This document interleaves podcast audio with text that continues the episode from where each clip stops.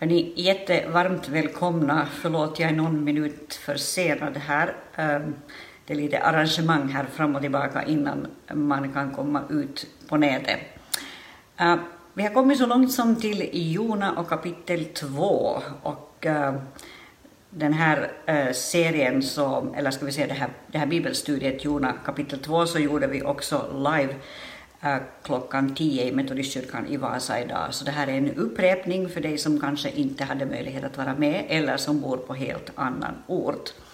Så jag hoppas att du vill vara med oss en stund. Det här tar ungefär 30 minuter och det handlar alltså om Jona, profeten Jona som finns i Gamla Testamentet eh, och eh, kapitel 2 ur Jona bok. I den här live-versionen i kyrkan idag så gjorde vi några verser också in i kapitel 3. Eh, men jag tror att vi i den här versionen som nu går ut på det, det bara gör kapitel 2.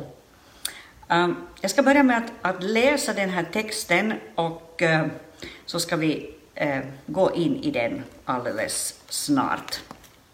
Det står så här att det är Jonas som ber och bakgrunden var ju följande att han var på väg undan Guds kallelse. Han var egentligen kallad att predika i Nineve, eh, men det var han inte intresserad av, utan han stiger på en båt eh, som drar honom i helt motsatt riktning till Tarsis, och eh, det kommer en storm. Ehm, Jona själv ligger och sover i båten, alla andra, alla sjömännen är helt förskräckta. Det är ju ett under i sig att Jona kan ligga och sova medan de andra som är vana sjömän, de är helt nervösa över vad som håller på att hända. Jona sover, eh, de väcker honom och eh, efter en lång procedur så kommer det fram att det är Jona som är orsaken till stormen. Han flyr undan Guds vilja. De slänger honom i sjön. Eh, det är hans eget, um, det är hans eget råd att de ska slänga honom i sjön och det gör de och uh, så händer följande. Och jag läser från kapitel 2. Välkommen med du som har hunnit med så här långt. Men Herren sände en stor fisk som slukade Jona och han var i fiskens buk i tre dagar och tre nätter. Och Jona bad till Herren sin Gud i fiskens buk. Han sade, jag ropade till Herren i min nöd och han svarade mig. Från dödsrikets buk ropade jag på hjälp och du hörde min röst. Du kastade mig i djupet, mitt i havet, och strömmar omslöt mig. Alla dina brottssjöar och vågor svepte över mig. Men jag ska åter få skåda ditt heliga tempel. Vatten omslöt mig ända upp till halsen, djupet omgav mig, sjögräs snärde in mitt huvud. Till bergens grund sjönk jag ner, jordens bommar slöts för evigt bakom mig. Men du förde mig levande upp ur graven, Herre min Gud. Medan min själ tynade bort i mig tänkte jag på Herren, och, i min bön, och min bön kom till dig i ditt heliga tempel. De som håller sig till förfängliga avgudar överger den nåd de fått. Med tacksägelse vill jag offra åt dig, vad jag har lovat vill jag infria. Frälsningen är hos Herren. Och Herren talade till fisken, och den kastade upp Jona på torra land. Vi tar först lite bakgrund. Profeten Jona och en annan gammaltestamentlig profet som heter Nahum, hans båda sänds till samma ställe faktiskt, och de har samma typ av budskap. Jona åkte till Assyrien eh, ungefär 770 f.Kr. och Nahum åkte till samma område år 620 f.Kr. Det var alltså 150 år mellan de här två profeterna. Um, en sån här bibellärare vid namn David Pawson, väldigt internationellt känd, um, lever inte mer, men har skrivit många, många böcker. Um, enligt hans bibelkommentar uh, så finns det åtminstone fyra orsaker till varför han inte tror att Jona är någon upphittad historia, utan att Jona var en historisk person de facto. Han säger följande fyra saker om Jona. För det första är bokens stil, alltså Jona-bokens stil, är precis som de historiska böckerna i Bibeln. Eh, I, I ordalydelse, i grammatik och eh, ja, hur de är formulerade, precis som till exempel Första Konungaboken och Andra Konungaboken. Ehm, och Jona bok handlar om verkliga platser och människor som också nämns på andra ställen i Bibeln. Jona själv nämns, som vi sa den förra gången, i Andra Konungaboken, så vi vet att han var en profet som levde under Jerobeam den andras tid. Jesus behandlar Jona som en historisk person. Eh, det kan du läsa till exempel i Matteus 12 och i Lukas 11. Och eh, de teorier som menar att Jona bara var en allegori eller en liknelse gör inte kapitel 4, som vi kommer till nästa gång, eh, gör inte kapitel 4 någon rättvisa. Det är en hel del under som händer i den här boken och som liksom stretchar vår tro. Och det är bara hälsosamt. Eh, för det första så sänder Gud en vind, en våldsam storm som hotar att sänka den här båten. Och den här vinden uppstår väldigt plötsligt. Det kan det ju i och för sig göra eh, när man är på havet. Eh, men det finns mycket kring den här vinden som, som gör att den är lite annorlunda så att säga. Den försvinner lika snabbt som den kom. Eh, när sjömännen kastar lott, vilket de gör då när de i panik eh, konstaterar att den här båten kommer att sjunka, då kastar de lott och lotten faller på Jona.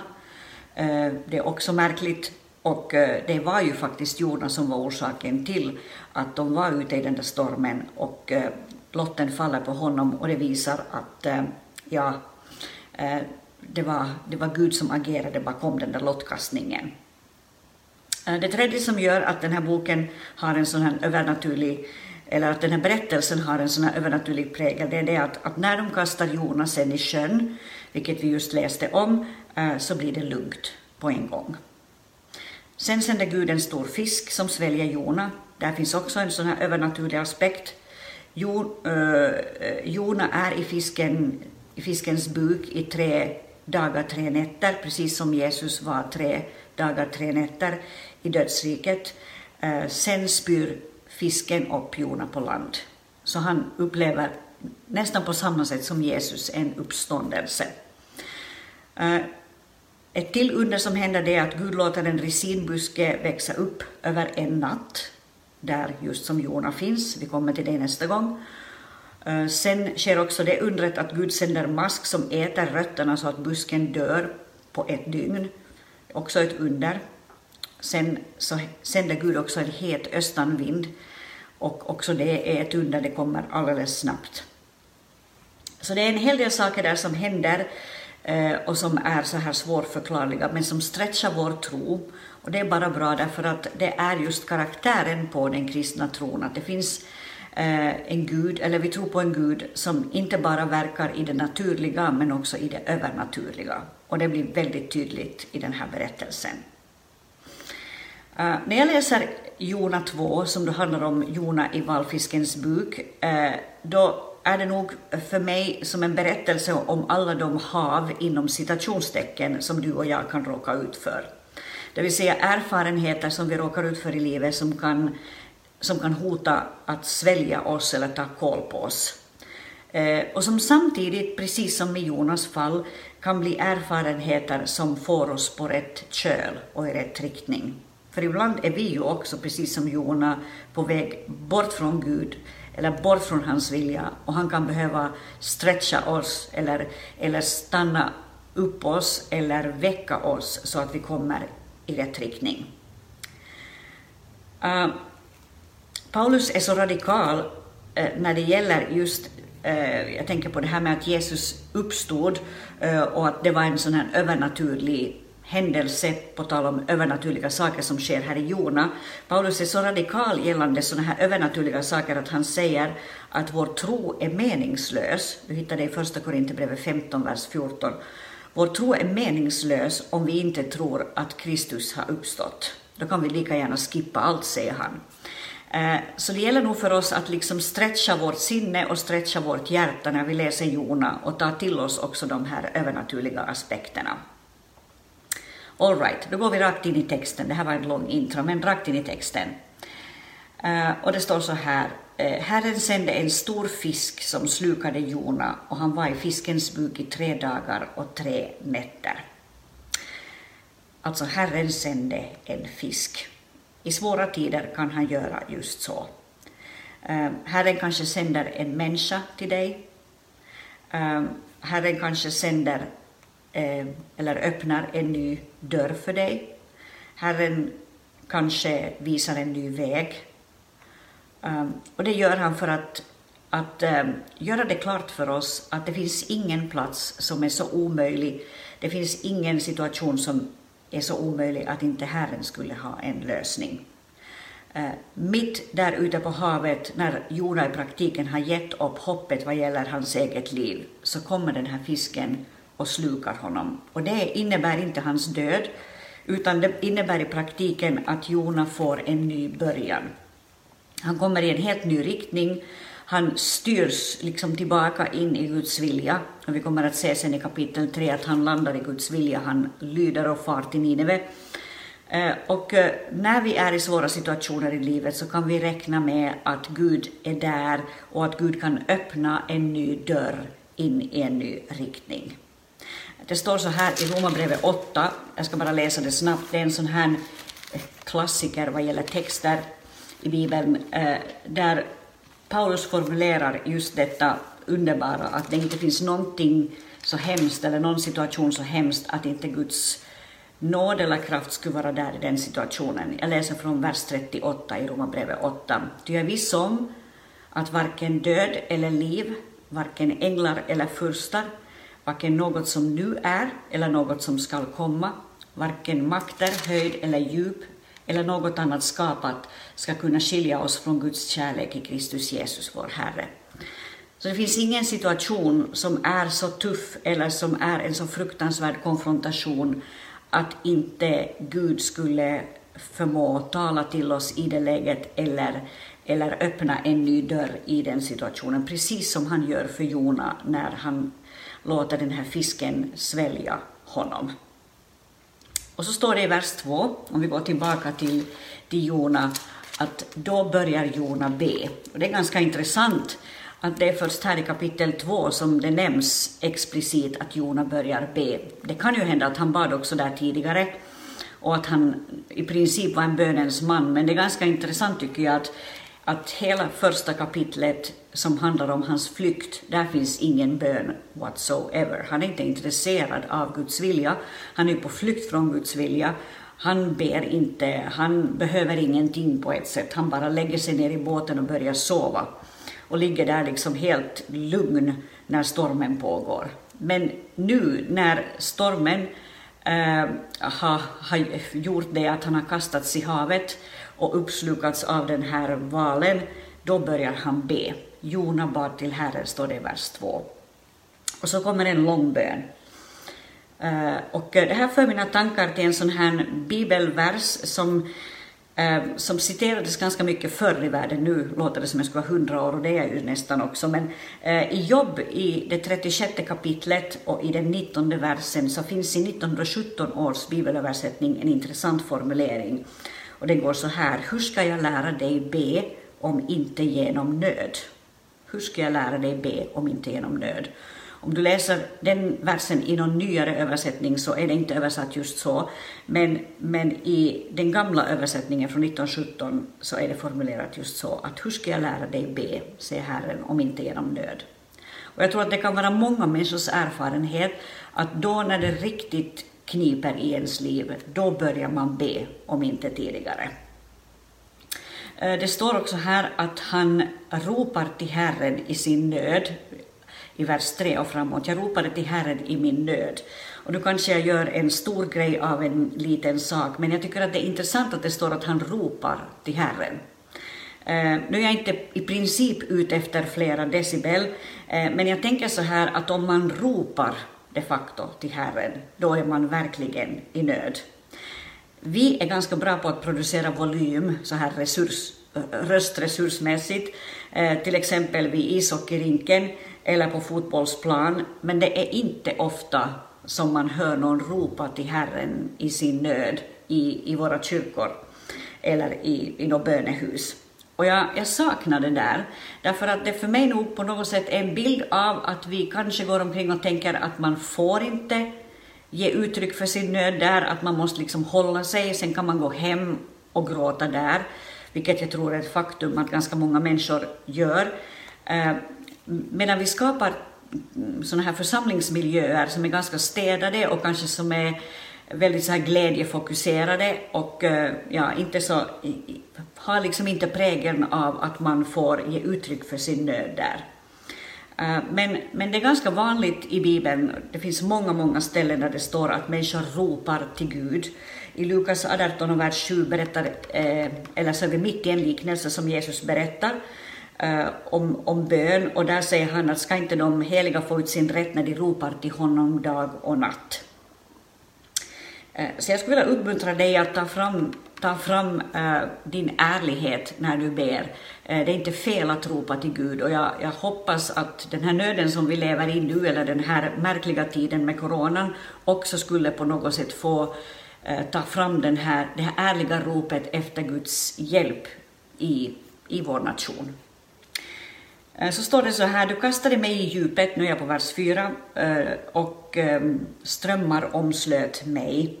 Han skriver om, eller Jona talar om sjögräs, om vågor, om brottsjöar. Det är en tuff situation och Gud skakar om Jona ordentligt. Och det är lite jämförbart med Paulus. Jag tänker på Paulus kallelse som du hittar i Apostlagärningarna 9. Där står det i vers 8 så här att Paulus under tre dagar inte såg någonting och han varken åt eller drack. Hans kallelseupplevelse, som på sätt och vis är lite liknande som Jona här, var så stark att, eh, att han blev blind, står det, och han varken åt eller drack. Så det, det är liksom en, en otrolig nöd som pågår. Det är en tuff situation och han är väldigt omskakad.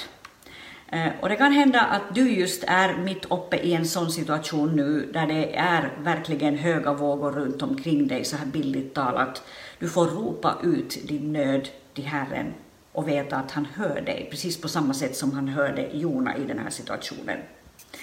Så står det i vers 5, jag tänkte jag har drivits bort från dina ögon. Det är liksom en stark känsla av övergivenhet, av ensamhet, att Gud har lämnat honom Eh, det är lite som, som Jesus uttrycker det eh, när han citerar, när han är på korset och så citerar han psalm 22 som är just, eh, som man brukar se som en sån här psalm som beskriver Jesu erfarenhet på korset. Det står till och med som någon rubrik i, åtminstone den bibelöversättning jag har, så, så är det Messias, Messias upplevelse, Messias lidande och seger, står det där det kommer fram en sån här bön som, som liknar väldigt mycket det som Jona upplever nu. Min Gud, min Gud, varför har du övergivit mig? Jag brister ut och klagar, men min frälsning är fjärran. Min Gud, jag ropar om dagen, men du svarar inte, och om natten, men jag får ingen ro. Så det är liksom ett ärligt hjärta som ropar efter Guds nåd och som ropar efter Guds närvaro, som ropar efter att Gud ska komma. Eh, och det här är nog en uppmuntran för oss att verkligen eh, lära oss att ropa till Gud på samma sätt, att inte bli förfinade liksom, i vår tro, utan att vi, att vi lär oss att ge uttryck för den här ärliga längtan att få möta Gud och att få bli hjälpta i den situation som vi är in i. Eh, I vers 6 så säger han sen eh, att sjögräs snärjer honom, vatten når honom ända upp till halsen, eh, och det är lite samma sak som, som salvisten uttrycker i psalm 69, där det står så här, och det är som om Jonas skulle be just den bönen, psalm 69 i vers 1-3. Fräls mig Gud, ty vatten kommer mig in på livet. Jag har sjunkit ner i djup dy och saknar fotfäste. Jag har kommit ut på djupt vatten och vågorna slår över mig. Eh, så det är liksom en beskrivning av en total nöd inför Herren. Det, det är en sån här drunkningserfarenhet. Eh, och, eh, och Jona vet inte vad han ska göra. Han, är, han, han, är liksom, han tror att han kanske, eller jag gissar att han tänker att hans eh, att Guds nåd är slut gällande honom. Det finns liksom ingen väg framåt. Han har varit olydig, han har sprungit undan Gud. Men, men han är ärlig i alla fall och ropar om, om nåd och ropar om hjälp. Och så svänger, så svänger situationen så småningom. Eh, det står så här, eh, till bergens grund sjönk jag ner, jordens bommar slöts för evigt bakom mig. Och eh, det är som om han skulle beskriva sin egen död. Och det kan ju hända, eh, det här är bara min gissning så du behöver inte bygga några stora sanningar på det här, men eftersom Jona av Jesus själv används som en, som en bild på detta, att på samma sätt som Jona var tre dygn i fiskens buk så ska Människosonen, säger Jesus om sig själv, eh, i Matteus 12 och i Lukas 11. På samma sätt så ska Jesus vara liksom, i dödens grepp i tre dygn. Så det är som om, om Jona här skulle dö, och det kan hända att det är det som händer också, att han dör och att Gud sedan väcker upp honom och, och sen låter fisken spotta ut honom eh, som, som en uppstånden människa så att säga. Eh, men det står här att han, han formulerade det som att jord, jordens bommar slöts för evigt bakom mig. Så det är som om han säger att, att, att hans liv tar slut eh, och det finns liksom ingenting kvar. Och så fortsätter han, men du förde mig levande upp ur graven, Herre min Gud. Alltså, han beskriver hur Gud tar honom tillbaka till livet och han får liksom uppstå på nytt. Och så fortsätter han, medan min själ tynade bort i mig tänkte jag på Herren och min bön kom till dig i ditt heliga tempel. Han, han beskriver liksom hur hans böneliv vaknar på nytt. Han lär sig förtrösta till Gud på nytt och han lär sig ropa till Gud på nytt. Eh, och, eh, och det ger han uttryck för. Och det är också någonting som sådana här nödsituationer i vårt eget liv kan, kan göra med oss. Vi, vi lär oss be när det blir tufft. Nu är det ju inte meningen att man ska bara be när det är tufft, utan det är ju meningen att vi ska odla och skapa en sån relation med Gud som, som vi har glädje av både när det går bra och när det går mindre bra och när det är lätt och när det är mindre lätt. Men men jag skulle vilja uppmuntra dig att, att ta lite lärdom av Jona här och, och liksom ge uttryck för eh, din egen nöd inför Gud på ett så ärligt sätt som möjligt eh, så att du också kan få uppleva att han stiger ner till dig mitt i din, i din upplevelse av att drunkna, så här billigt talat, så som Jona gör här. Vers 10 är ganska positiv sen. Han säger med tacksägelse vill jag offra åt dig vad jag har lovat vill jag infria. Frälsningen är hos Herren. Eh, så med andra ord så, så är det som om situationen svänger för honom och han säger vad jag har lovat vill jag infria. Och jag undrar om det inte handlar om just det att han tänker att jag lovade Gud att jag skulle fara till Nineve. Jag, jag, när jag låg där i fiskens buk så tänkte jag att jag, jag vill verkligen eh, Eh, svänga. Jag vill verkligen göra en total helomvändning 180 grader och lyda Gud och gå till den här staden som han kallar mig att gå till. Eh, och, eh, och det, det är kanske det löftet som han tänker på här, vad jag lovat vill jag infria. Och så står det att Herren talar till fisken och fisken spottar ut honom eh, på torra land. Och han får en ny chans att åka iväg till Nineve. Och därmed har vi gått igenom det här andra kapitlet i Jona bok.